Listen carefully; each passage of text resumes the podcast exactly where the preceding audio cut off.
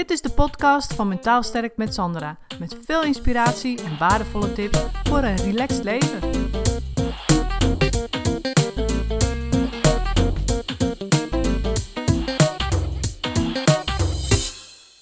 Ik uh, loop even buiten. Het is uh, een beetje donker. En, uh, het waait misschien een beetje. Maar ik dacht, ik moet even naar buiten. Want ik heb de hele dag binnen gezeten. En dat ben ik dus niet meer gewend. Want ik had een soort van uh, trainingsdag. Ik moest met de trein naar Utrecht. En uh, nou, dan zie je dus al s ochtends in die trein, twee uur lang. En dan ook nog eens heel de dag binnen daar. Het was bloedmooi weer. Het is wel koud, maar zon scheen. Nou, normaal loop ik dan drie keer per dag met de hond. Lekker buiten en nu dus niet. Dus daar word ik altijd heel erg muf van. Dus ik dacht, oké, ik ga even naar buiten. Even lekker met de hond. Maar wat me ook vandaag heel erg opviel, toch ook weer over mezelf, is uh, dat ja, ik zat daar, het was een soort trainingsdag met verschillende behandelaars. En uh, ja, het was veel informeren, in, in, groepjes werken. En ja, ik heb er eigenlijk een beetje, ben er eigenlijk een beetje allergisch voor. En ik heb het al veel langer. Ook als ik dan zo'n trainingsdag heb, weet je, als, als, als je moet je natuurlijk bijscholen, ook als psycholoog en zo. En dat doe ik liever op mijn eigen manier. Weet je wel, die verplichte trainingsdagen, dat is toch ook iets waarvan ik denk, ja, moet ik dat nog wel doen? Weet je, bijscholen, tuurlijk, dat doe ik en dat doe ik graag, want dat zit in mijn waarden, dat vind ik belangrijk. Dus dat, dat, daar kom ik wel aan, weet je wel.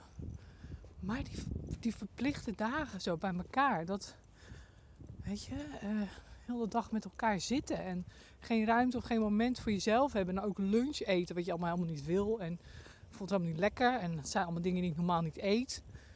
Weet je wel, daar was dus, had ik zelf natuurlijk ook niet over nagedacht. Maar dan stond een lunch klaar en dat waren gewoon twee verschillende soorten broodjes. En ik eet eigenlijk geen brood meer. Ik eet gewoon geen brood meer. Want ik krijg er een enorme suikerdip van. Dus ik denk, oh shit. Ik had natuurlijk zelf even mijn eigen dingen mee moeten nemen. Dus daar ging die ook al mis. Dan voel ik dat zo, dat ik dan zo overvallen word zeg maar, door, die, door die suiker. Ja, die, die bloedsuikerspiegel die dan omhoog uh, schiet. Dus daar baal ik dan ook alweer van. Maar goed, dus ik uh, zat daar en ik denk, ja, weet je, moet ik mezelf dit nog wel aandoen? Moet ik niet gewoon andere keuzes maken? Want um, toen ik nog in loondienst werkte, weet ik heel goed. Ik weet niet, volgens mij heb ik het ook wel in een andere podcast verteld. Maar toen uh, was ik eigenlijk altijd heel erg bezig om het grijze gebied op te zoeken. Zo noemde ik dat dan, het grijze gebied. En dat grijze gebied was eigenlijk, ja, niet helemaal eerlijk. Want wat ik deed was gewoon, ik, ik wilde dan, ik zorgde dat ik net iets langer pauze hield. Of dat ik in de, in de basiswerktijd dingen voor mezelf deed. Weet je wel, bijvoorbeeld uh, ja, uitzoeken welke autoverzekering goedkoper was. Weet je wel, gewoon alleen al om, om de sport, dat ik dan iets voor mezelf deed. Het ging me nog ineens om, om die autoverzekering, helemaal niet. Maar dat was gewoon de sport. Weet je wel, dingen onder werktijd doen voor mezelf. En nou, liefst ging ik ook nog eerder naar huis. Dus als dat lukte, nou, dan was helemaal kicken. En uiteindelijk dacht ik natuurlijk, heb ik dat heel lang zo gedaan. En dat, daar klopt natuurlijk iets niet. Weet je, daar klopt helemaal niks van. Want het gaf me op de korte termijn, gaf me dat eventjes een soort van, uh, nou ja, lachen, weet je wel. Het is me weer gelukt, weet je, dat. Zo'n gevoel. Maar ja, op de lange termijn, dan ben je gewoon echt uh, verkeerd bezig. Want je wordt daar op de lange termijn natuurlijk niet vrolijker van. Want je moet elke dag wel weer terug naar het werk. En elke dag ben je eigenlijk gewoon weer die strijd aan het leveren van... Kan ik al weg? Kan ik al eerder weg? Kan ik iets voor mezelf doen? Weet je, ik ga even, net even lekker iets eerder pauze houden. Nou, weet je, op die manier. En dat is, dat is ook gewoon een strijd die je dan eigenlijk aan het voeren bent. En toen uh, op een gegeven moment ben ik natuurlijk, degenen die mijn webinar volgen, die weten dat ook wel, maar uh, ja, ben ik natuurlijk gaan nadenken over ja, hoe komt dat nou en wat wil ik nou en hoe zit dat nou? En eigenlijk, nee Bucky, die kant op, kom maar. Ja, roep even de hond. En uh, toen dacht ik van ja, hoe zit dat nou? Want ik ben begonnen zeg maar als reisleidster. En dan werk je voor een werkgever.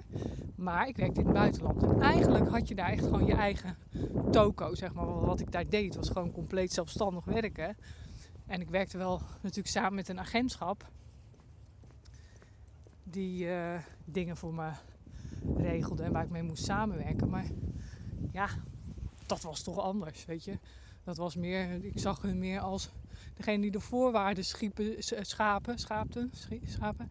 Nou ja, in ieder geval voor mij om mijn werk daar te doen. Ik zag daar niet zozeer een uh, werkgever in of zo. En, ik was heel erg zelfstandig daar. En dat, dat had ik natuurlijk al heel... Ik was 23 toen ik dat ging doen. Tot mijn, zeg maar, 30ste.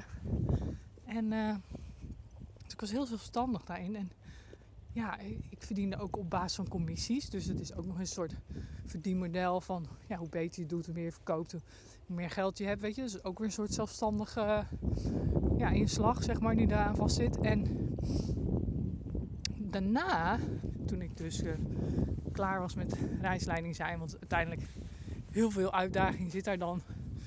Ja, voor mij zat er niet meer zoveel uitdaging in. En ik, ik, wat ik zeg, ik hou van bijleren. Dus ik wilde ook weer gewoon mezelf verder ontwikkelen. En niet in een baantje blijven hangen omdat het nou eenmaal leuk verdiende of zo, weet je.